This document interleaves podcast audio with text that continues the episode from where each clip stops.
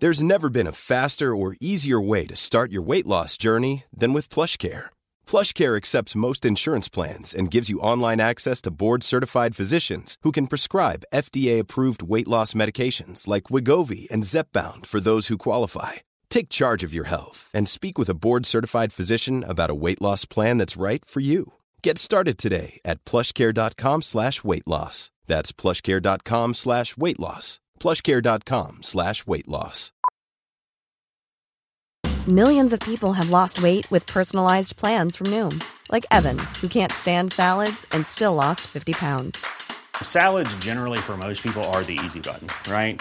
For me, that wasn't an option. I never really was a salad guy. That's just not who I am. But Noom worked for me. Get your personalized plan today at Noom.com. Real Noom user compensated to provide their story. In four weeks, the typical Noom user can expect to lose one to two pounds per week. Individual results may vary. Quality sleep is essential. That's why the Sleep Number Smart Bed is designed for your ever evolving sleep needs. Need a bed that's firmer or softer on either side? Helps you sleep at a comfortable temperature? Sleep Number Smart Beds let you individualize your comfort so you sleep better together. JD Power ranks Sleep Number number 1 in customer satisfaction with mattresses purchased in-store. And now, save 50% on the Sleep Number limited edition Smart Bed for a limited time. For JD Power 2023 award information, visit jdpower.com/awards. Only at a Sleep Number store or sleepnumber.com.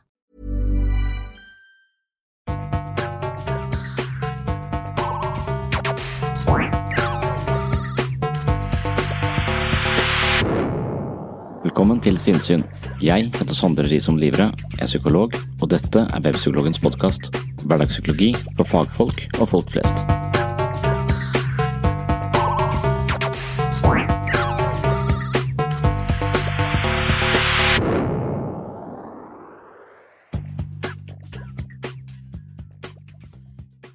Ole Jakob Madsen har et eh, interessant poeng når han drøfter psykisk helse i dagens samfunn. Han påpeker at vi kan studere planeten Pluto uten at den forandrer seg. Vi kan stirre på planeten, måle dens hastighet, størrelse og kanskje degradere den til en dvergplanet, men Pluto forandrer seg ikke av den grunn. Slik er det med studier vi gjør av fysiske forhold. Men det forholder seg annerledes når det kommer til det psykiske. Når vi studerer menneskets psykiske liv, atferd, følelser og åndelige strømninger, legger vi merkelapper på det vi observerer, og vi risikerer at menneskene i fokus tilpasser seg de merkelappene som forskerne finner frem til. Når vi studerer mennesker, vil de forandre seg. Pluto er Pluto uansett, men mennesker som blir definert som generasjon prestasjon, flinkis ungdom osv., vil bli en del av kategoriene som rammer dem inn. Ole Jakob Madsen mener at generasjon prestasjon er et begrep som foreldregenerasjonen har lagt på sine barn. Aldri før har vi målt og kartlagt barna våre slik vi gjør i dag. Aldri før har vi stilt dem så mange spørsmål om livskvalitet, angst og stress. Når de kjenner etter, kan de godt merke at de er litt stressa, og langsomt har vi en generasjon som identifiserer seg som stressa strebere som er både vellykka og syke. Det er en utmerket overskrift for mediene som forsterker ungdommens nye identitet, og det hele blir en selvoppfyllende profeti. Vellykka, men syk. Dette fenomenet er på spill hver gang vi forsøker å forstå mennesker. De forandrer seg i takt med vår forståelse. Hver gang jeg utreder og diagnostiserer en ny pasient, vil de gjøre noe med dette mennesket.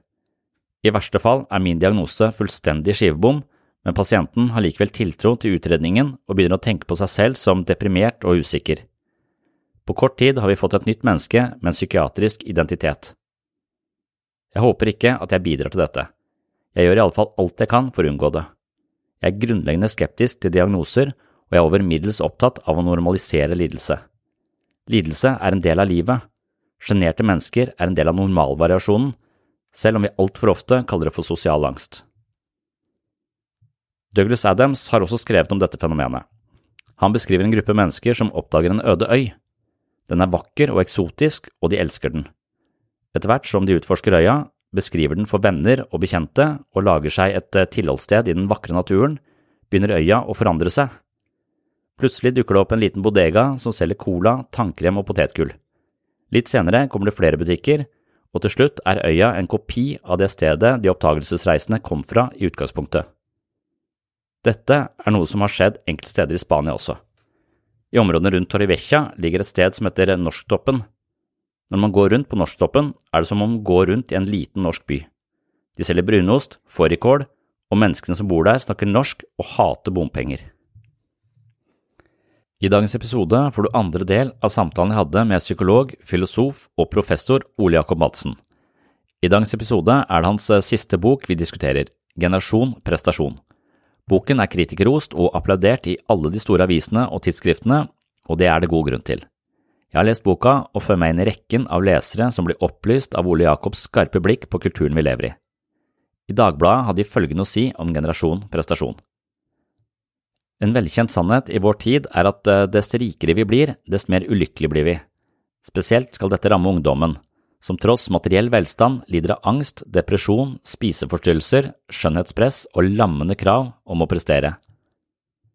I mediene ser vi også gjentatte, alarmerende oppslag om at Norge ligger på verdenstoppen når det gjelder selvmord, og raten er stigende. Er det virkelig sånn?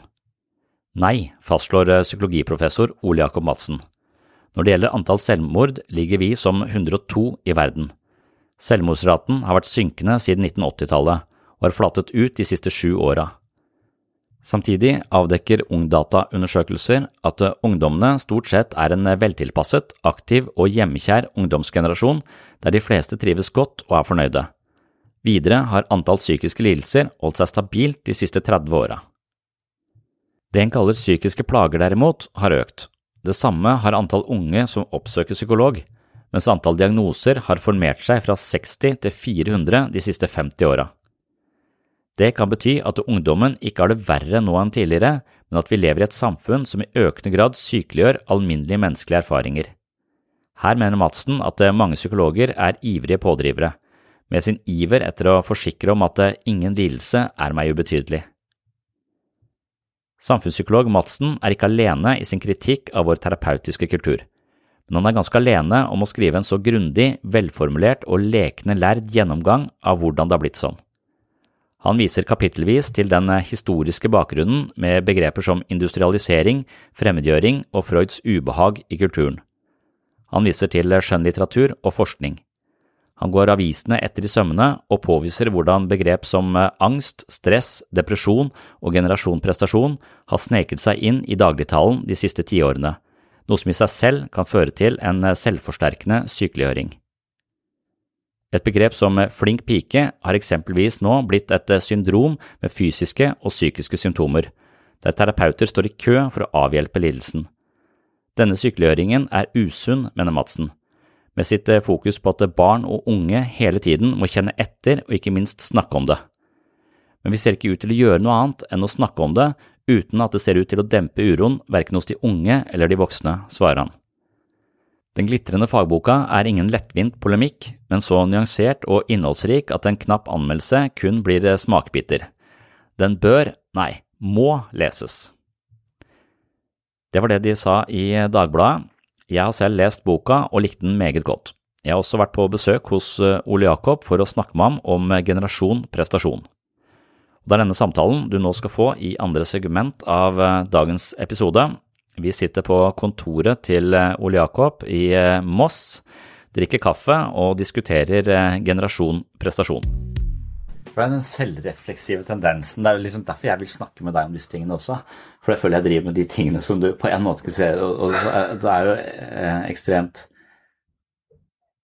eh, viktig å tenke over hva man gjør eh, mm. til, til, en, til enhver tid. Men så og Det virker som om du også tenker noen ganger når jeg hører, eller jeg har lest også, at du den, det introspektive mennesket blir litt sånn skjørt og sårbart også, for alle følelser blir så veldig det, vi, vi, føler så mye eh, mm. Eh, for, for, for, så mange. Og så, og så tenker jeg at det, i, ter, i, en terapeutisk setting så vil jo det å være oppmerksom på hva du føler, mm. uh, og kunne se følelsen, og ikke bare være følelsen. Idet du er følelsen, så får du hjertebank og, og diaré. Mm. Eh, mens idet du klarer å sette et ord eller forstå den følelsen, så klarer du å løfte den fra kropp og angst til en eller annen abstrakt. Det er på en måte selve essensen av det psykoterapeutiske prosjektet. Mm. Det er ikke nødvendigvis, Da blir du på en måte mer rusta eh, til å istedenfor å bare Du forstår at det føles som noe som kommer og går hele tiden. Det er mer som en slags eh, kompass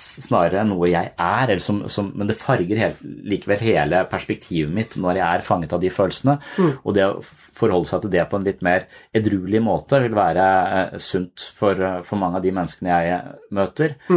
Og, og så er jeg litt, litt usikker på hvorfor folk blir så veike av dette her, eh, og den tendensen. Eh, og, og, og da tenker jeg, men da har du igjen selvhjelpsbøker som kommer inn og sier nå må du faen meg ta deg sammen. Og han heter Jordan Peterson. Eh, liksom, og Smerte er en del av livet. Uten smerte hadde ikke livet vært meningsfullt.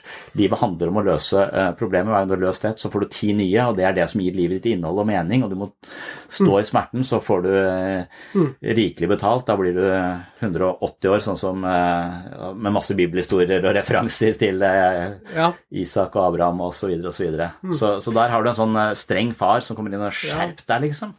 Ja, men samtidig så føler jeg meg heller ikke helt hjemme der, da. Altså, jeg, jeg deler ikke helt den herre ja, Jordan Peterson, eller, eller den her liksom Generation Snowflake-kritikken, da. Nei. Av de unge som sånn der At, at liksom problemet er blitt at de er blitt så så veike og skjøre, liksom, at ikke de tåler ting lenger, da. Altså, så krenka. ja, men det er liksom det? Nei, jeg føler Eller selvfølgelig, man har også sett noen liksom foruroligende saker på liksom europeiske Ja, ja. universiteter og Mm. sånne ting. Og det kommer også til å komme litt mer til Norge med den identitetspolitikken. Men altså Mitt, mitt inntrykk av f.eks. studentene jeg møter da, på, Mm. på Universitetet i Oslo Nå er jo de i høyeste grad en veldig sånn selektert gruppe, ikke sant. Som du vet, så må man ha veldig gode karakterer for å komme inn og sånne Mm. ting, så de er nok veldig sånn ressurssterke. Men jeg, jeg har ennå til gode å møte denne veldig sånn krenkbarheten. Kanskje mer det her man snakker om som en sånn følelse av berettigelse, altså sense of entitlement, sier man jo i. Og det tenker jeg også ligger i den derre snøfnugg eh, ikke sant? Det, er liksom, det er både noe veldig skjørt som smelter litt, men det er også liksom noe unikt, da. Altså, hvert liksom snøfnugg der er eh, Ja. Så nå er, vi, nå er vi over på generasjon prestasjon, egentlig.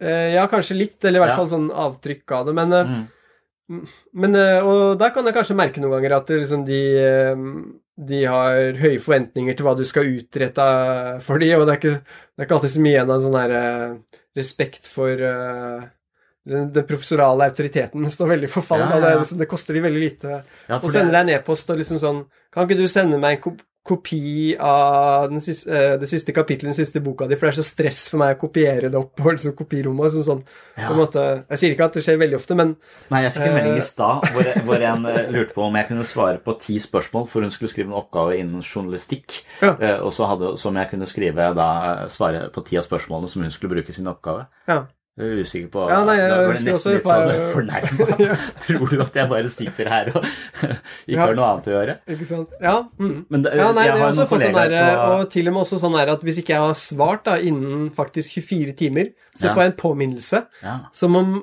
som om det på en måte modellen er liksom at jeg er en slags sånn chat-tjeneste, sånn som du Mm. sier. ja, At man sitter og er liksom klar beredt til Ja. liksom og sånn Du er nummer én i køen. Hva, Ja, ja. hva syns du om hva, hva syns du om svaret mitt? Hvordan vil du evaluere det? Så liksom en sånn idé da om at på en måte at ja, lærerne eller underviserne er der liksom bare liksom utelukkende for de Ja. og deres liksom behov, og, Ja. og hvis ikke så er det liksom en manglende respekt for deres rettigheter, eller altså liksom Ja. Det, det syns jeg kan se litt grann element av, men samtidig skal jeg ikke overdrive det heller, da, altså, men eh, ja. Nei, for jeg har også snakket med kollegaer på, når jeg underviser på eh, Universitetet i Agder, om at de føler seg stadig mer som kundebehandlere og mindre som eh, professor, de som er det. Ja. ja. Kunden har alltid rett, så det er jo liksom ja. Og, og det, det, er, eh, det er en eh, holdning jeg også reagerer litt på, og den kan ikke jeg huske fra når jeg studerte eh, ja, på slutten av 90-tallet og begynnelsen av 2000-tallet. Mm. For jeg, jeg husker vi hadde mange gærne professorer. Ja. Mm. Og det var, det var på en måte en del av Det var de vi skulle tåle. Vi skulle være igjennom de for å komme ut på, Ja. på andre enden. Og at Ja. de var litt gærne, var en del av gamet, på en måte. Mm. Og du måtte jo ikke komme og klage på de, for Nei. de visste jo det, Du Ja. måtte bare innfinne deg. Og, og det syns jeg var litt av Det var litt, av, litt sånn som Mm. eh, skole skal være. Jeg skal tilpasse meg disse folka. De er gærne, men de skal lære meg noe, så må jeg bare gjøre det beste. Jeg husker også det veldig godt. Første gangen jeg, jeg ringte til en professor eh, Han var ekspert på noe jeg var interessert i, så jeg hadde lyst til han som veileder. Da, da ringte jeg til kontoret hans, og så, um, så presenterte jeg meg selv, og så sa jeg uh, noe sånt som jeg, Så jeg lurte på om jeg uh, kunne få komme og snakke med deg, og da var hans liksom kjølige svar Ja, hva skulle vi snakke om? Uh. Og så ble det helt stille i telefonen. Mm. Det var uh, røff start, for å si det sånn. Ja. Så det ble ikke noe av det første, det første møtet. Men det, Vet du hvordan min første møte var? Jeg skulle inn og spørre om noe av det samme og få øh, være med på et program til en av de klinikerne der. Så gikk jeg inn, og så, og så banket jeg på, og så sa han 'kom inn', så jeg fikk lov til å komme inn. Så jeg har bare et spørsmål. Ja, Så gjorde han bare sånn som om jeg skulle få, få svare, uh, stille spørsmålet. Og så la jeg fram saken min uh, så kort og godt jeg kunne om at jeg kunne egne meg for dette og gjerne ville være med på det. Og så det eneste han svarte meg, at uh, den jakka var hvit, sa han. For jeg hadde en veldig hvit jakke på meg. Oh, ja. Ja, Og så sa han ikke noe mer, og så skulle jeg gå. Ja, Så jeg fikk ikke noe svar engang. så da visste jeg stod jeg utenfor. tenkte jeg ja, den jakka var hvit, den burde jeg ikke hatt på meg. Hva, hva, hva skjer nå? Men Ja. eh, Ja, kanskje det var liksom eh, Ja. eh, du forurensa liksom uh, synet hans, eller det var liksom Ja, det er- en jeg sånn, tror eh, ikke han likte- For sterkt sanseinntrykk. ja, det var det er sånn- sanseinntrykk. Det var en regnjakke, og de er jo av og til litt så veldig hvite. Eh, men ja. Ja. Nei, men eh, ja, vi var kanskje litt over på de unge. Men hvis jeg skal forsøke liksom å være litt imøtekommende også, da, så kan jeg kanskje følge deg på Altså det her med Selv om jeg kanskje noen ganger har uttrykt meg litt sånn skeptisk til liksom det her liksom å eh, si, jobbe med følelsene sine og sånne ting, så eh, er det liksom en sånn eh, poeng i den generasjon prestasjonsboka da, at kanskje et problem i dag også er at eh, det medisinske diagnosespråket liksom har blitt en del av ungdoms selvforståelse og hverdagsspråk. Altså de sier sånn eh, Sier ikke at de er lei meg, men at de er deppa, eller at de angster, Mm. ikke sant, og så videre. At, eh, mens jeg har lurt noen ganger på altså både det mm, Du nevnte der med, med sekularisering i stad, ikke sant, og liksom Mm. manglende gudstro, og det er jo en sånn Ja, den døde Selv om man kan snakke om en viss resakralisering, så er det også mye som tyder på at den er i ferd med å bare ja, øke på, og den dør ut med den eldrende befolkningen, ikke sant. Så, og så har jeg også lurt noen ganger på hvor det ble av det mer eh, eksistensialismen. da. At Jeg husker det bare tilbake til når jeg studerte på Universitetet i Bergen på begynnelsen av 2000-tallet. så hadde vi den her store boka til Irvin Yalom, altså Ja, Existential ja. Psychotherapy, Mm. På pensum. Bare noen kapitler, riktignok, men jeg husker den slukte jeg en hel sommerferie, og den gjorde virkelig inntrykk for meg. Det var liksom de store temaene med liksom frihet, meg- isolasjon, meningsløshet Ja. og um... Og så hjalp han meg til å så lese Nietzsche seinere, for jeg var ikke kompetent til å lese Nietzsche eller Schopenhauer Nei. før jeg fikk hans innfallsvinkel, så jeg fikk en viss peiling på hvor, hva de tenkte. Ja. Sånn, ja. Mens den, i hvert fall ut fra mine undersøkelser, da, er, eh, er borte fra pensum og heller ikke er erstatta Ja. med noe annet mer sånn eksistensiell type tankegods. da, og ja. Så jeg har liksom lurt på om det på en måte signaliserer at nei, vi mener ikke at skal si, morgendagens psykologer trenger å være ha litt fordypning da, i en sånn type tankegods, og at det kanskje også er et litt sånn meningsvakuum da, for unge i dag, at de, mang, altså, de mangler et sånn type religiøst eller eksistensialistisk språk også for å eh, forstå sitt eget liv eller, eller tilværelsen, hvor det kanskje liksom det som de har å tilby, er liksom mer det derre eh, diagnosespråk eller sånne ting, Altså mm. kanskje raskere leder de til sånne handlinger som oppsøker fastlegen sin, eller eh, ta Men- smertestillende eller, eh, eller antidepressiva. Altså liksom Men da vil du kanskje ha en viss sympati for det prosjektet eh, når at jeg sitter på, på jobb i et sykehus eh, og tenker at hvordan skal jeg hjelpe disse menneskene mm. som kommer. Så driver vi psykoterapi, jeg driver mest med gruppeterapi. Men at det er et eller annet annet jeg fornemmer at de også uh, trenger, eller i hvert fall som fungerer. Ja. Og da også sitte i halvannen time og diskutere Jobbs bok, f.eks. Fordi at vi har eh, gått gjennom, eh, gått gjennom den. Det er litt, litt sånn betent fordi at det nettopp er en sånn uh, religiøs fortelling, men likevel en, en men da ble jeg inspirert av Very Bad Wizard, som plutselig har en hel episode om eh, Jobbs bok, mm. eller eh, Nei, altså- det, er, altså at det, høres ut som kanskje liksom du også blir formidlet til at de må bare tåle liksom eh, eh, De må liksom eh, Ja, men, De må utholde- men, men jeg tror det er den derre det, der, den der, det jeg kaller et metaspill, at det er det du også, eh, også pirker borti. Mm. Et, eh, en, en, et, noe som lodder dybden litt mer enn eh, en diagnose, en årsak, en virkning. Altså at det finnes en annen dimensjon der som, Mm. som stikker mye, mm. eh, mye dypere, og at vi må få en arena eh, for den, og at vi trenger en ny arena. Og jeg, jeg kan godt tenke at, eh, eller jeg har liksom sagt at eh, så, så Bibelgruppen har gitt meg masse. Men, men jeg, kunne, jeg kunne fått vel så mye ut av eh, en, en menighet som eh, hadde Dostojevskij som sin eh, predikant, hvor vi bare leste forbrytelse og straff og diskuterte den uke etter uke, og, og ulike aspekter, moral, etikk, i følelser, skam, skyld, alt dette her. F- at det ja, altså det, det, eksistensielle, at de er litt sånn åndelig fattige, på en måte. Og at de har istedenfor å Noen ganger så får jeg en fornemmelse av at det er så mange objektspill som de ikke orker å bli dritlei av. De føler de, de blir rammet av en slags depresjon i disse alle kravene, eller du skal til karriere eller alt, alt, det du skal gjøre, at de mangler disse arenaene for metaspill, og da slutter de å spille.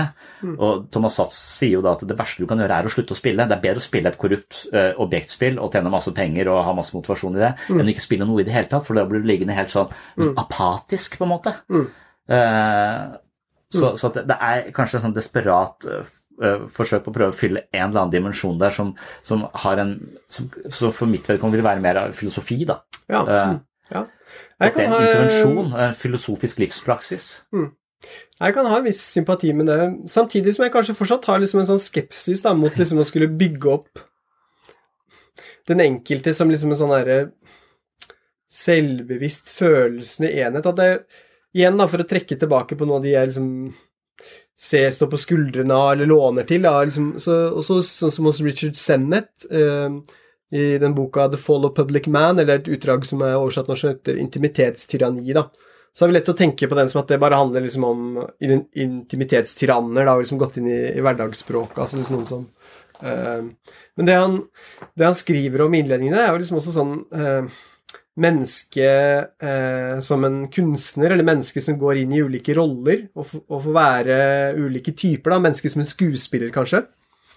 Dag Solstad skrev et sånn essay som heter 'Nødvendigheten av å leve inautentisk', eller noe sånt på, på 60-tallet, tror jeg, da. Mm. Men som liksom er en sånn annen tankegang da, enn liksom den her ideen om liksom livet som et sånn veldig autentisk prosjekt, men mer liksom sånn Hva skal vi si noe, Nesten noe sånn antipsykologisk. Det er mer liksom sånn rollespillende, lekende mennesker, hvis det går an å si det sånn, som på en måte glemmer seg selv, eller liksom på en måte har muligheten til å være flere, da. Um, det føler jeg er liksom en sånn tankegang som har gått litt tapt. Jeg skrev det også, også, om litt det der i et sånt essay som jeg skrev i, i siste nummer av Samtiden, som kom før sommeren, som har sånn eh, det var en sånn tematittel av 'Hva gjør Facebook med oss?' Og Da skrev jeg en sånn sak som heter 'Digitale jeget', hvor jeg også trekker eh, historiske linjer da, tilbake til William James, en av liksom, psykologiens grunnleggere. og, og noe han skriver sånn rundt 1890 i den 'Principles of Psychology', så skriver han veldig sånn moderne om, om selve, hva selve kan være, som jeg synes er veldig fascinerende. Og da har han sånn veldig sånn fin utlegning av det relasjonelle, da, møtet med andre mennesker, eh, og hvordan vi Han mener at vi på sett og vis er en, et annet menneske i møte med forskjellige personer, sånn at alle eh, alle mennesker vi kjenner, da, de har liksom et ulikt bilde av oss, og da er vi på sett og vis også et annet type selv. Så også når en venn eller uh, av deg dør, så dør også en del av deg selv, da. Mm. Så på en måte menneskelivet da er liksom sånn Ellers definert hele tiden av masse møter hvor du har mulighet til å være litt andre mennesker, da. Objektrelasjonsteori, nesten. Ja, kanskje, du kan kanskje, ja. kanskje kalle det Mens på en måte i på sånne digitale plattformer da, så er det mer sånn at du hele tiden skal drive med en form for sånn selvrepresentasjon, ikke sant, og, ja. og, og uh, hvor du da på sett og vis da blir liksom tvunget inn i en sånn falsk sånn der autentisitet om at du hele tiden skal skal være deg selv, da, eller at er liksom, du er liksom blitt en sånn der plattform som du liksom kan uh, uh, Ja, uh, hvor du kan fortelle om livet ditt og kommunisere, kommunisere med de andre. Altså, liksom, noen ganger så kan man lure på om det også er noe som har gått tapt i dag. Da, sånn ja. ja. Men når du sier det, så, så ble jeg sånn eh, Jeg må spare det jeg selv gjør for å sjekke opp med Universitetet i Oslo om det er eh, som du representerer her nå, om det er eh, gangbar praksis, på en måte, eller om det er For, for, du, for, for når du snakker om dette med, med lek, f.eks. Så, så utviklings, hele utviklingspsykologien vil veldig mange Winnicott, Fairbairn, de vil snakke om leken, mm. eller Bolby, eller um, leken som heter rommet mellom. Og min opplevelse av de menneskene jeg møter, er mangel på lek. Mm. Det, det, er som om at det, verden har blitt for alvorlig. Mm. Det har vært alvorlig. Mm. Eh, det har ikke vært rom for eh, lek, det har bare vært eh, rom for overlevelse. Mm. Og når de da får tanker og følelser, så er det som om en tanke slår ned som en kampestein inni, så de har deres indre liv er et mentalt pukkverk. Mm. Eh, mens jeg som ikke har hatt det på, på, noen måte sånn og har fått lov til å leke, opplever vel at mitt indre liv er som en sandkasse. Ja. Så hver gang du sier noe til meg som strider imot det jeg har tenkt før, eller annet, så får jeg bare en ny ting inn i hodet mitt som jeg kan leke med, Mm. og som jeg prøver å sette sammen med andre ting. Og at det er en vesentlig del av det jeg kaller biblioterapi, er å leke med ideer, Mm. så ting ikke blir så Jeg var ikke så opptatt av Arne Næss, han lekte, han drev og så boksa og sånn, men jeg mener at jeg, jeg vil bli flau av sånn boksing. Hvis jeg skulle sitte her og bokse med deg, så hadde jeg bare sånn Det syns jeg har vært flaut, men, men jeg opplever likevel at det, eh, den lekenheten med ideer, altså filosofi kan være en lekenhet med følelser. Standup komikk kan være en lekenhet med ulike dimensjoner med det å være menneske, og så blåser vi det opp, og så ser vi hvordan det, hvordan det ser ut. Så at psykologi, filosofi, eh, standup-komikere har et eller annet som felles prosjekt med å leke med, eh, med ting som gjøre det mindre alvorlig, og at det også er en del av det biblioterapeutiske prosjektet. Da. Eh, Jeg, eh, jeg liker veldig mye av det du sier, men uh, igjen da, så vil jeg ha en sånn annen tilnærming til det, men hvor jeg følger deg hva er alternativet, da? Hvordan skal jeg gjøre det? Nei. Hvis ikke jeg gjør det så gjør det Nei, jeg vil, tenke, jeg vil aldri fortelle deg hvordan du skulle gjøre det, så jeg, og jeg tenker ikke at jeg vet bedre, så jeg tenker at der uh, tror jeg du skal liksom fortsette å gjøre det akkurat du gjør, da, Men men, hvor burde jeg være mest selvkritisk? Det er vel det du kan vise meg, da. ja, nei, men eh, ja. jeg kan jo på en måte følge deg et stykke på veien, og det jeg følger deg veldig i, er Jeg har også vært opptatt av Altså Aristoteles snakka om sånne altså ting som var liksom hadde et formål, og aktiviteter som ikke hadde et formål. Ikke sant? sånne, uh, ting som var telos og ikke telos. Da. Ja, Eh, ja. Ikke sant? Og, eh, det finnes også en uh, britisk filosof som heter Michael Oakeshott. Han snakker om liksom work and play. Altså work-aktiviteter er liksom ting som da hele tiden har et formål. Du gjør ting for at du skal ja, du skal oppnå et eller annet. da. Mens play-aktiviteter er ting som liksom ikke har noe formål utover seg selv. Det kan være ikke sant, lek eller bare liksom sånn Det er liksom noe her og nå, da. Og mitt inntrykk er at det blir færre og færre av sånne play-aktiviteter da, i hele liksom, det moderne samfunnet. At alt, som jeg tror også særlig de unge merker på kroppen, at alt liksom blir som en sånn herre Du skal hele tiden spørre deg om sånn Ja, bruker jeg fritiden min bra nok mulig nå? Er dette liksom Mm. Kan jeg egentlig liksom uh, Burde jeg ikke liksom eh, Burde jeg ikke ha, ha lest en bok, eller burde jeg ikke liksom ha jobba med det, burde jeg ikke trent, sånne ting. Mm. At man helt liksom plager seg da, med sånne ting. Um, så det tror jeg er liksom uh, et liksom vesentlig, vesentlig tap, da, hvis, hvis, det virkelig er blitt, hvis det virkelig er blitt sånn. Da vil jeg bare si at mindfulness-filosofien på en måte vil sette akkurat det problemet der opp.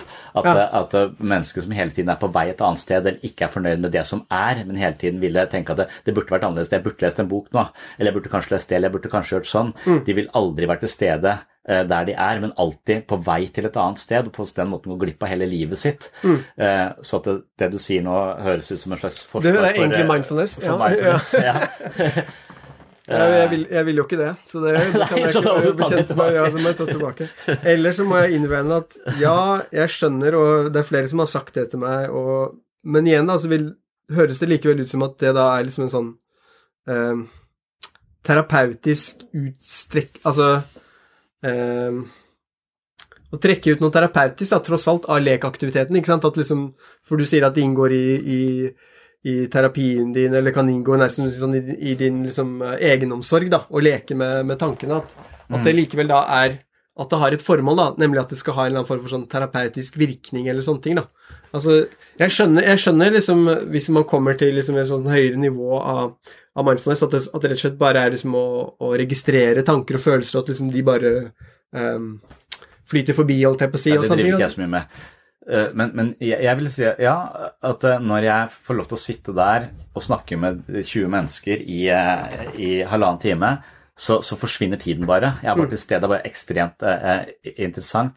Og, og at jeg gjør det fordi jeg føler at mange andre får noe ut av det også. Det, det, det er selvfølgelig en årsak til at jeg har satt det Det er ikke helt random hvordan det kom i, kom i gang, men jeg vet ikke om jeg tenker at det er noe ja, kan man ikke tenke sånn alt? Er det noe som ikke er sånn? Eller sånn eh, Det er veldig sjelden du gjør noe som du altså, Jeg slapper Ja. av fordi jeg trenger å slappe av. Jeg ser på TV fordi den serien interesserer meg. Jeg leser en boka fordi den interesserer meg. Jeg sitter og gjør ingenting fordi jeg ikke har lyst til å gjøre ingenting. Altså, det er alltid en årsak til at jeg gjør alt. Eh, Jo, så klart. altså Alt har jo en årsak, ikke sant, og det er, det er vanskelig å komme ut av det, da, men, men likevel så tenker jeg at det er liksom et på en måte et meningsfullt skille, da. Altså, Ja. Men eh, for meg så er det lettere å komme på eksempler sånn fra barndommen. altså Hvis jeg tenker på mitt eget voksenliv, så er det ofte kan det være vanskelig å komme på ja. um, play-aktiviteter, da. Ja. Uh, og det syns jeg jo er, er, er synd på mange måter, da. Selv om jeg ofte kan ha det sånn, gøy med jobben min, eller kan være Ja. ganske morsomt å sitte og snakke her med deg nå, ikke sant? Men likevel at det er liksom sånn Ja. Um, ja. Mm. Nå får vi ta litt mer om den siste boka di, eh, Ja. 'Generasjon prestasjon'. Da, da føler jeg også at jeg er i, i skuddlinja di, for du gir jo psykologene og deg selv, da, fordi du er psykolog, eh, men også filosof, eh, en del av skylda. ja. Og, og da mitt umiddelbare forsvar vil si at det eneste jeg gjorde i ABUP, var å normalisere ting. Altså eh, hele ABUP-affæren var å handle om å si at nei, hun er ikke blitt psykotisk. Hun uh, har utviklet prefrontal cortex og begynt å tenke på sin egen tankegang. Det var dritforvirrende en periode. Og hun høres ut som en fransk filosof, men det går over. uh, så at man uh, At det handlet veldig mye om å, å normalisere ting. Ja. Um, så, så at det er en viktig rolle psykologer har, å normalisere Ja. Og at det kanskje, kanskje vi opplever det i stadig stigende grad. for Jeg sitter også i inntakteamet. Vi, har- vi, er overøses av henvisninger hver eneste uke. Det er stadig flere som, mm. som vil inn. Og så, så sant fastlegen kan sette et tall på hvordan de har det, som bare er en subjektiv vurdering av den personen som sitter overfor, så må vi ta det inn. Ja. Eh, og da er jeg veldig kritisk til å få unge mennesker inn og gi dem en psykiatrisk identitet, på en måte. Det, det syns jeg virker, kan av og til virke som et overgrep, når det var kjærlighetssorg det var snakk om. Eller eh, Ja. Ja, nei, ja, jeg er jo kritisk til psykologene men også um, sosiologene, for så vidt, da, som også er en um, ja, en sånn eh, bidragsytere i mye av den ungdomsforskningen, altså ungdataundersøkelsen og sånne ting, som, eh, som, eh, som du sikkert har hørt om. Altså, Ja, ja. Det, NOVA har jo et eget sånt eh, altså Det er et sånt eget mm. avdeling på, på Oslo Met da, som liksom er statsfinansiert, som liksom har som oppgave å kartlegge hvordan norske ungdommer egentlig har det. Eller, altså, det er jo blitt foregått over mange år. og Det jeg forsøker å, å vise der, er vel det jeg tenker på som et liksom klassisk eh, klassisk problem da, med, med menneskevitenskapene eh, som kanskje naturvitenskapene ikke har på samme måte, Ja. nemlig at eh, vi på en måte hele tiden interagerer med forskningsobjektet vårt. Da. Vi kan ikke stå på utsiden. Mm. Da, så det er egentlig et sånn klassisk tema hvor jeg forsøker å også vise Det er ikke sikkert jeg klarer å bevise det, det er vanskelig å bevise, men, men også hvordan på en måte ungdataforskningen kan inngå da, i en liksom sånn, et sånn kollektiv bekymring eller kretsløp som hele tiden eh, angår de unge, ved å være så nærværende som det er i media, hvor du har liksom hele tiden da, sånn oppslag når det kommer nye rapporter og nye liksom, Ja. bekymringer rundt at unge har mindre fremtidstro, eller at nivået på psykiske helseplager fortsetter å øke, de oppgir det dårligere og dårligere. sånn at de også blir liksom en De blir selvfølgelig noe som gir oss kunnskap og opplysninger, men de blir også en ehm, eh, ja, en influenser, for å bruke et sånn ord, eh, som jeg tror er med på å påvirke liksom både hvordan liksom foreldre, lærere, helsearbeidere, politikere og sånne ting tenker om de unge.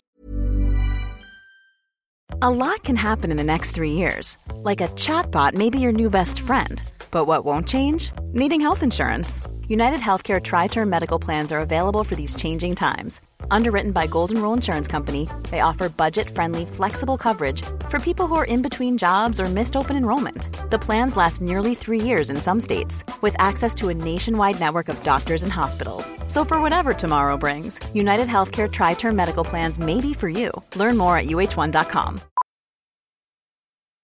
Millions of people have lost weight with personalized plans from Noom, like Evan, who can't stand salads and still lost 50 pounds. Salads, generally, for most people, are the easy button, right? For me, that wasn't an option. I never really was a salad guy. That's just not who I am. But Noom worked for me.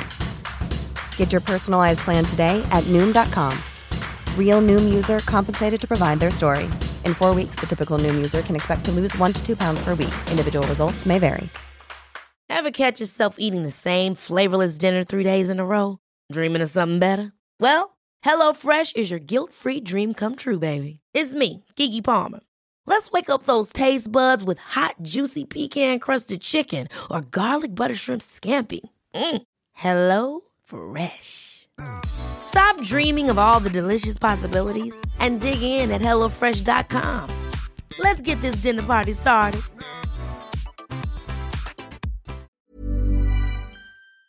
får det til å sette liksom inn i tiltak, da. Så liksom, jeg forsøker også å vise hvordan ting kan bli liksom delvis en sånn selvoppfyllende profeti, da. Eh, ved at liksom det, det, blir et det, Dagens unge som vokser opp, da, fremtidens respondenter på ungdomsundersøkelsene, vokser da opp liksom med et sånt kulturell repertoar hvor eh, ideen om særlig da de eh, eh, sykt flinke jentene og sånne ting er veldig sånn nærværende, på en måte, da, i, eh, i, eh, i samtidskulturen. og det å være ung har nok liksom vært vanskelig til alle tider, og det er liksom hardt å være menneske osv., men ja. bekymringen er jo kanskje likevel at en del av de tingene som man bare kanskje tenkte på som Men kunne ikke den type siste beskjeden du har der, korrigert dette hvis at det, hvis du da tar sånn type Jordan Peterson som uh, nettopp viser at uh, lidelse er en Det gjør deg dypere. Mm. Og hvis du prøver å unngå all lidelse, så blir du et overfladisk menneske, menneske som kommer til å mm til å gå ned med flagget, og sånn type Carl Gustav Jung og sånn, som sier at du må ha røtter ned i ja. helvete for å vokse inn i himmelen. Altså du må uh, at, at, det, at ja. det også ha smerte og prøve å fjerne smerten hele tiden med medisiner osv., det, det er en uh, ekstremt dårlig strategi. At det kunne være en del av jo da, jo da og, og det, det, det, er mye fornuftig i liksom en sånn påminnelse om at uh, livet også er, er, tragisk, eller at det kan mm. være, være det, eller at liksom smerte, men, smerte men da, finnes, da, men uh, hvis vi kunne hatt Descartes da, som, eh, som, utgangspunkt for all eh, Eller bare en eller annen sånn Jeg likte den boka til Daniel Dennett, 'Tools for Thinking'. Eh, den, ja, den har jeg ikke lest. Nei, Intuition Pumps. Hvor det du sier at hvis du, hvis du forsker på noen, eller hvis du forsker på noe, så finner du en eller annen type sammenheng, og så blir den, så blir den formidlet til verden.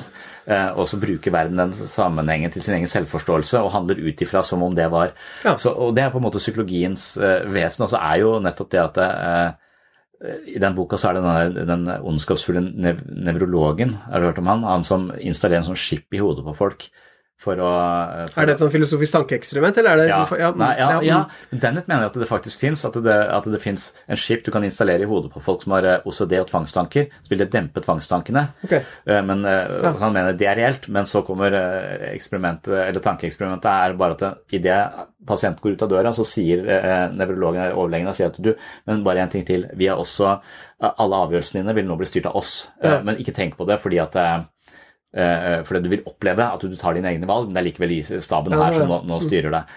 Så går han ut da, og så, og så istedenfor å ta bussen, som ikke går for om 20 minutter, så tar han den bilen som står parkert rett utenfor akutten, og så bare kjører han ned eh, til byen. Og så, så, og så begynner han, som mm. også er jo, Hvis vi ikke tror vi har fri vilje, så er vi mer tilbøyelige til å jukse og, og, gjøre sånne ting. Så havner han da i retten, og så kaller de inn denne Eh, denne legen som vitne. Altså, han sier at det er du som styrer alt han gjør, og nå er han eh, anmeldt for 14 eh, kriminelle forhold her. Stemmer det? Og så sier han legen at nei, jeg bare kødda med Jeg tror ikke kan, trodde, ikke han tro på det. Ja. Så, så, men ideen er bare at det han mener å gjøre med den skipen, altså styre atferden hans, det har han likevel gjort med informasjon. Mm. Så informasjonen du får, den styrer jo livet ditt. Og pga. denne lille informasjonen han får på veien ut døra, så blir han en kriminell. Mm. Hadde han ikke hatt den informasjonen, så hadde han ikke vært en kriminell. Han hadde vært mm forholdt seg til de samme. Ja, ja, ja. Mm. Så, så, at det blir hele ja, det er et morsomt, vi, eh, morsomt eksempel. Mm. Men hvis du da tar Descartes som utgangspunkt, alt du tenker og føler er feil, så må mm. vi bare være kritiske til alt hele tiden. Da har vi ikke noe sted å stå. Men vi må bare alltid undersøke og undersøke og undersøke vårt eget ståsted. Ja, ikke sant. Fordi at vi må hele tiden tvile på våre, mm. ja. våre ideer, våre ideologier, ja, og da får vi ikke fundament fundamentalister. Nei. Ja, nei, altså det er ikke, Målet mitt er ikke at alle skal bli sånne radikale skeptikere eller sånne ting som på en måte liksom går rundt og tviler eller fortviler, fortviler overalt. Men det er kanskje mitt mål, det. Det er kanskje ditt ja. mål, jeg vet ikke. Mm. Nei, og, og liksom prosjektet mitt i den boka er heller ikke å si at vi liksom må slutte med liksom ungdomsforskning, eller at psykologer og sosiologer ikke, ikke, skal gjøre det, men det er igjen da, forsøk på liksom å mane til en sånn økt refleksivitet da, om hvordan også eh, vi aldri kan stå på utsiden og også bli en del av problemet, på en måte, eller i hvert fall inngår i det på en veldig sånn intrikat måte. da. Mm. Det kan vi jo ikke unngå, kan vi vel? Nei, eh, men jeg tenker at det kan gjøre en forskjell om man har på en måte en tilstrekkelig grad av bevissthet om det eller ikke. da. Ja. Så i, eh, i, boka så bruker jeg en del tid på det som kalles for sånn selvoppfyllende profetier. Og viser til en, sånn, en av de klassiske tekstene da, fra 30-tallet av en amerikansk sosiolog som heter Robert Merton. Og han har en sånn morsom sammenligning da, hvor han han forklarer så selvoppfyllende profetier da, om at du har en bank, eh, som har liksom en viss kontantbehandling, men mesteparten av bankens liksom verdier er, er knytta opp i sånn spekulasjonsforetakene. Og så har du eh, tilfeldigvis så kommer det en del kunder inn eh, som skal gjøre forskjellige ting, og så er det noen andre mennesker som ser disse folkene komme i banken. Så begynner de å bekymre seg for at å, kanskje har de fått inside-tips om at banken er i ferd med å gå Mm. Ja, konkurs. Vi ja. tar ut sparepengene våre. Ja. Og så ser andre det igjen, og så mm. måte blir det en snøballeffekt. Ja. Så han bruker det som eksempel på at det som i utgangspunktet var en falsk eh, beskrivelse, altså banken var ikke egentlig konkurstrua, Mm. etter hvert blir eh, Det skjer, da. Hvis Ja. mange nok begynner å tro på den falske profetien, så blir det gradvis en selvoppfyllende profeti, da. Men så sier han men dette er unikt for menneskelige situasjoner, og moteksempelet hans da er Haleys komet. Så sier han at, at den kommer i bane rundt jorda hvert sånn 75.-76. år. Eh, Den blir ikke påvirka om vi har sånn spekulasjoner at ja, kanskje kommer den oftere, eller, eller sånne ting. Ja, den, den fortsetter å gå sin, eh, sin, eh, sin rundtur. Det var en sekt som tok livet sitt for å hoppe på den siste gang jeg var forbi, var det ikke? Var det det? Ok. Ja, Ja, ja. ja det, kan, det kan godt hende. Det vet jeg ikke, Hvis du men tok livet ditt akkurat idet den var forbi, så Ja, kunne du leve videre der. Ja, ok. Mm. Men, så, hans, men mitt poeng er liksom at vi behandler også psykiske lidelser i dag da, som om de er Haleys komet, mens liksom å tenke at det gjelder bare liksom å ha mer mulig åpenhet og snakke om det osv., mens vi burde behandle det som om det var denne banken, da. Altså at det var liksom noe vi eh, hele tiden Ja. interagerer med, hvor vi liksom er Ja, sånne effekter igjen, kan altså, jeg vil, Veldig mange sier 'jeg har den lidelsen'. Lidelse er jeg litt usikker på. Mm. Du tenker og føler på en måte som ikke nødvendigvis er heldig for deg. Men det gjør vi alle, så Mm. du gjør det kanskje bare litt mer. altså at, at vi ikke, Så diagnosespråket er helt altså, enig i at det, Mm. Det, det rammer ting inn på en litt sånn eh, feilaktig måte. Men hvis du har denne altså Den selvrefleksjonen er jo, denne, det er jo, det er jo den kritiske tenkningens uh, utgangspunkt. Ja, ja. Så, så, så nettopp uh, Så at kanskje din bok, eller dine bøker, ville bli sett på av Daniel Dennett som enda flere tools for thinking, på en måte. ja. Uh, Som gjør at vi kan være enda mer parate til å, eh, til å Som er den kognitive psykologien. Å se på tankefeil vi gjør, se på eh, sånne type eh, eh, ting som styrer eh, handlingene våre uten at vi nødvendigvis er klar over det, og hvordan vi blir mer eller mindre manipulert inn i ulike ting. Og hvis vi vet om det, bevisstheten om det, vil jo hele tiden være det kurative. Og det er jo oppmerksomhetstrening, bevisstheten vi trener i mindfulness, og det er altså psykoterapiens vesen er jo også å være mer bevisst. Ja. Mm. alt sammen. Så det du prøver å si nå, er at jeg egentlig driver med mindfulness og psykoterapi, bare på et litt sånn i en Ja. annen skala. Ja. Mm. Ja, på, på, på en måte. At du, du, du bare fornyer Det det er en flere tools, uh, tools for thinking. Han begynner den boka med den Flynn-effekten som sier at vi blir smartere og smartere. Og så sier han at vi ligner litt på en smarttelefon. Altså hjernen vår Siden 30-tallet så har vi uh, Så han sier IQ-testen på 30-tallet og IQ-testen nå i 2020. altså Den må hele tiden modifiseres, for den skal ligge på 100, skal være gjennomsnittet. Men så blir vi hele tiden smartere og smartere. Eh, Så, så den har økt med 30 poeng. Så hvis vi tok 30, den utgangen fra 1930, så hadde vi skåret i gjennomsnitt 130. eh, Og det hadde vært feil. Derfor må den modifiseres. og Spørsmålet hvorfor blir vi smartere? Er det fordi at eh, hjernen vår blir større og utvikler seg? Han, mm, hans hypotese er at det handler om at vi har, vi har flere tools for thinking. Vi har mer, akkurat som telefonen vår får flere apper, så kan den gjøre flere ting. Ja, sånn, ja. Telefonen er helt lik, men det er bare at den har flere apper, og at vi har flere apper, og det læres vi opp til. Vi vet om Descartes' demoner, vi vet om Platons hulelignelse. Eh, vi kjenner nå til den eh, ondskapsfulle nevrologen, og klarer å bruke den typen tenkning til å være mer kritisk, til å eh, Men er, men er det ikke også litt sånn der, gjengs oppfatning der at, at den avtar etter hvert, og liksom også at det går nedover? Ja. fordi ja. En forklaring kan være rett og slett at det, liksom er, det er lettere å, å klare seg i dag, så du trenger ikke å være fullt så Ja, ja. um, ja, eller at Ha fullt så mange IQ-poeng og være så flink til liksom, selvregulering med at liksom, så flere liksom overlever, og rett og slett, og liksom også at uh, Ja. Ja, det kan hende. Eller, eller at vi rett og slett uh, ingen vet om Descartes' demoner lenger. Eh, Ja, for at de bare kan får eh, overskrifter eh, og ingresser i en sånn overflod. At for mye informasjon gjør oss dumme. Ja, absolutt. Eller tro på en eller annen sånn konspirasjonsteori eller eh, et eller annet sånt ting også. Ja, At jorda er flat. Ja. Mm, mm. ja. Så det er jo også Ja, absolutt. Men vi må kanskje starte i oss, men hva er hoved, hva sier jeg, hovedbudskapet i, i den generasjonen generasjon eh, prestasjon? Foreldregenerasjonen er så bekymra for barna sine, og de, eh, og de diagnostiserer de, måler og veier de, eh, og alle resultatene formidles til barna, som da som blir en del av deres selvforståelse, og dermed en selvoppfyllende profeti. Ja, det er, veldig, det er, veldig, mye sentrale punkter der. Så er det også et viktig poeng for meg da, å si liksom at hele den generasjon prestasjon, beskrivelsen av en ungdomsgenerasjon, verken har vært spesielt sann eller sunn, kanskje. Og sannheten går også på at jeg er skeptisk til at det vokser fram da, en sånn her Så det er like mye sånn kritikk av begrepet, selv om jeg har det i tittelen, litt sånn mm. uh, At uh, det ser ut til å vokse fram da, en sånn idé om at det er liksom perfeksjonskrav som er liksom det fremste problemet for dagens unge i dag, mens fortsatt så er jo den største gruppen som sliter De passer jo ikke inn i bildet av generasjonprestasjon. Det er liksom Nei. folk som ikke er kanskje spesielt skoleflinke eller ambisiøse Eh, sliter med liksom vanskelige familieforhold, type lav sosioøkonomisk status, sykdommer, kanskje liksom mobbing eh, osv. Så, da. så at det er liksom eh, Jeg forsøker også å vise kanskje hvordan liksom ideen om liksom flink, men syk blir liksom også et sånn særlig populært bilde i media å skrive om, på en måte, som kanskje også virker tilbake på fagfolkene selv, som begynner liksom å forklare ungdoms uføre, da, med liksom at dette med stress og press for å få gode nok karakterer er blitt så viktig i dag, osv. Så, videre, så det er også liksom mm. Hvis du skjønner, mener en sånn At generasjon prestasjon er blitt en sånn klasseblind beskrivelse av dagens unges beskrivelser, mens jeg tenker at uh, vi må liksom også tilbake til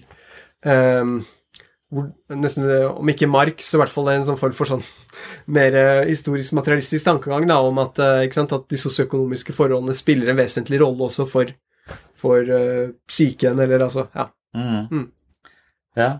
Så, så, dette er en liten elitegruppe som, eh, som, eventuelt sliter med, med, dette her, mens det finnes jo en ganske stor gruppe som satte seg fast på World of Warcraft i 2016 og ble sittende der i tre år og plutselig våknet opp overvektige og så at livet hadde gått forbi dem. Absolutt. Og var ganske deprimert på grunn av det.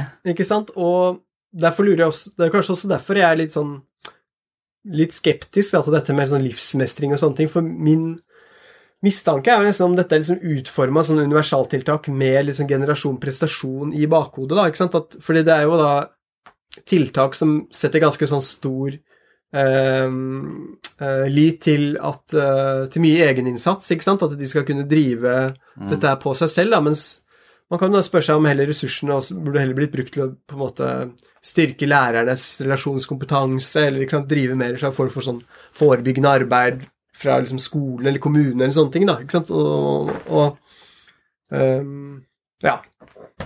Mm. om, så det er vel også kanskje en sånn kritikk av psykologstandard, da, ikke sant, også med sånn fremveksten av mye sånn private Og det er ikke det som er livsmestring, altså det du sa der sist?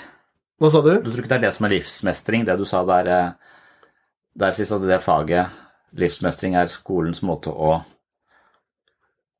um, å, å, ruste mennesker eh. At det kan være det, tenker du, eller? Ja, at det kan være det.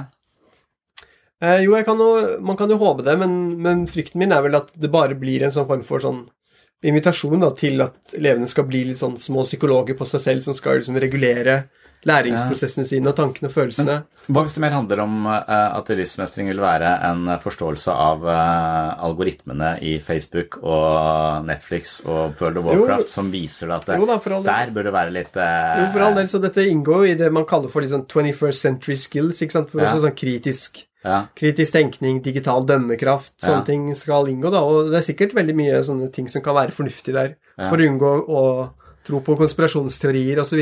Ja. Men igjen så er det jo litt sånn Jeg, jeg kanskje er litt sånn, litt sånn ambivalent, da, fordi det, det inngår jo også i en sånn fortelling ikke sant, at i framtiden så må, er det viktigste å lære å lære, vi må stadig liksom utvikle oss, du kan mm. ikke liksom forvente å ha uh, den samme jobben du har i dag, liksom i morgen, ikke sant, det er sånn, uh, så det det inngår også i en litt sånn dynamisk bilde av verden, hvor man kanskje, hvis man skal være litt sånn optimistisk, tenker man at ja, sånn er det, og det, det er bra, de kommer til å mestre det. Mens den mer dystre fortellingen er jo at dette handler igjen om en litt sånn eh, senkapitalistisk økonomi, ikke sant, hvor den enkelte blir sittende igjen med ansvaret, hvor du liksom nesten blir fortalt at du er dum, da, hvis du liksom tenk, forsøker å tenke mer langsiktig, eller tenker at det er steder du skal være. Så det minner jo veldig også om den kritikken til Richard Sennett av the new, det han kaller for the new capitalism, da, ikke sant? hvor du hele tiden mm. da er liksom sånn For å overleve så må du ja, Nesten som den i eh, De sier i den derre filmen Heat av Michael Mann at du må være villig til liksom å gi fra deg alt du har eh, på noen få minutter, og liksom walk away, da. Det er liksom det som har blitt som bilde på det en, eh, en kritiker, Mark Fisher, kaller for liksom capitalist realism, altså at, liksom at kapitalismen er blitt liksom realismen da, som man lever, lever under, nær sagt. da. Så det er liksom, jeg føler at det er liksom en sånn dobbelthet der, kanskje, da, hvor man i hvert fall har grunn til å være um, ikke bare entusiastisk, men også liksom kritisk til hva dette vil bli i praksis. da. Ja. Men hvis jeg skulle ha livsmestring, uh, og, og, tenker at jeg driver med livsmestring i kraft av uh, å popularisere psykologifaget, så uh, her om dagen så var jeg jo stemte, f.eks. Uh, og når jeg går inn i den der eh, greia der, så, så, tenker jeg på David eh, Pizarro, som har forsket på følelsen av vemmelse, eh, og, og, viser at de som lett vemmes, eh, er ofte mer konservative politisk ja. sett, mens de som i mindre grad av vemmelse, er mer liberale. Og så vil det da også påvirke, i hans studier, så vil det jo påvirke resultatene av hva du svarer på spørsmål, avhengig av om det lukter blomster eller søppel i rommet. Så hvis det lukter vondt i rommet, så vil du tendere til å svare mer konservativt på en del spørsmål. Ja. Og hvis det lukter blomster Så de tar de samme folka, ikke sant? stiller de med noen mm. måneders mellomrom, og så masse så mange spørsmål at de kan ikke huske hva de svarer. Mm. Men tendensen er klar at de svarer mer konservativt hvis det lukter vondt. Ja. Så sånne ting tenker Det burde man kanskje tenkt på da, før man la alle sånne valglokaler som gymsaler og sånt. ja. Gammel svettelukt. Ja, ikke sant? Så, men det er kanskje det er noen av de konservative partiene som har villet det.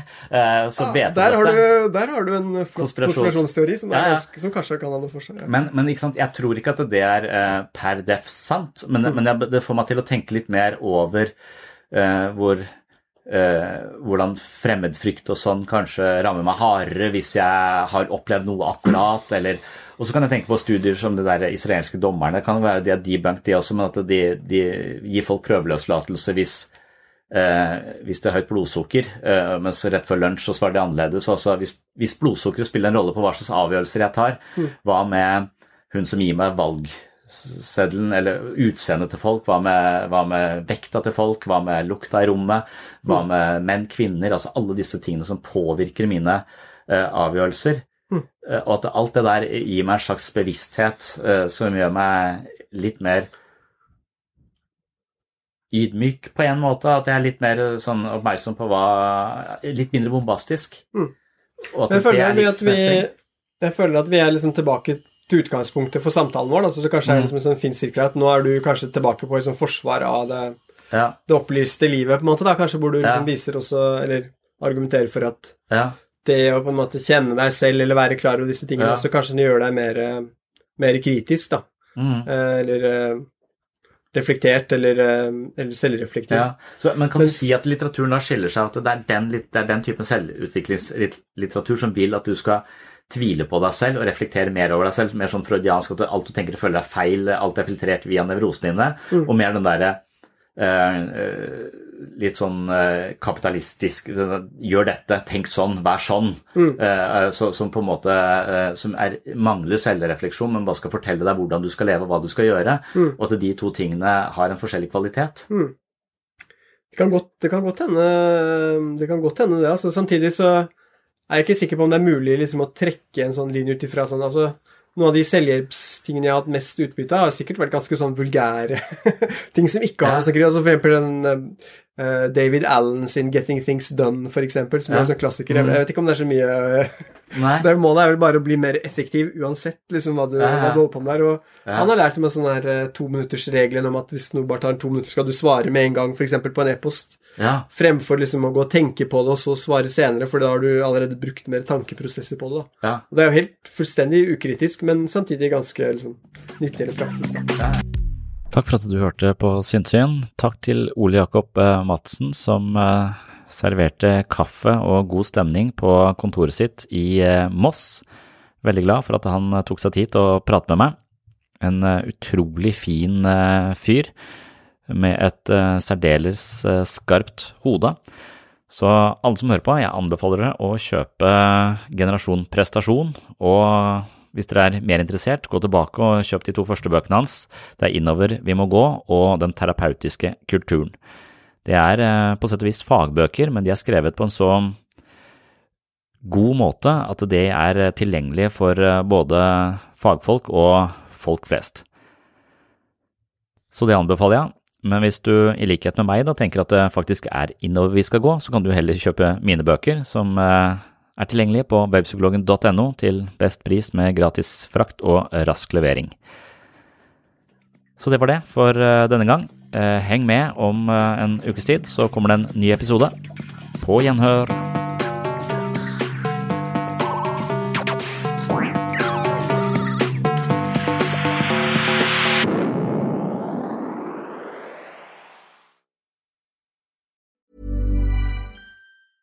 Hey, it's Paige DeSorbo from Giggly Squad. High quality fashion without the price tag. Say hello to Quince.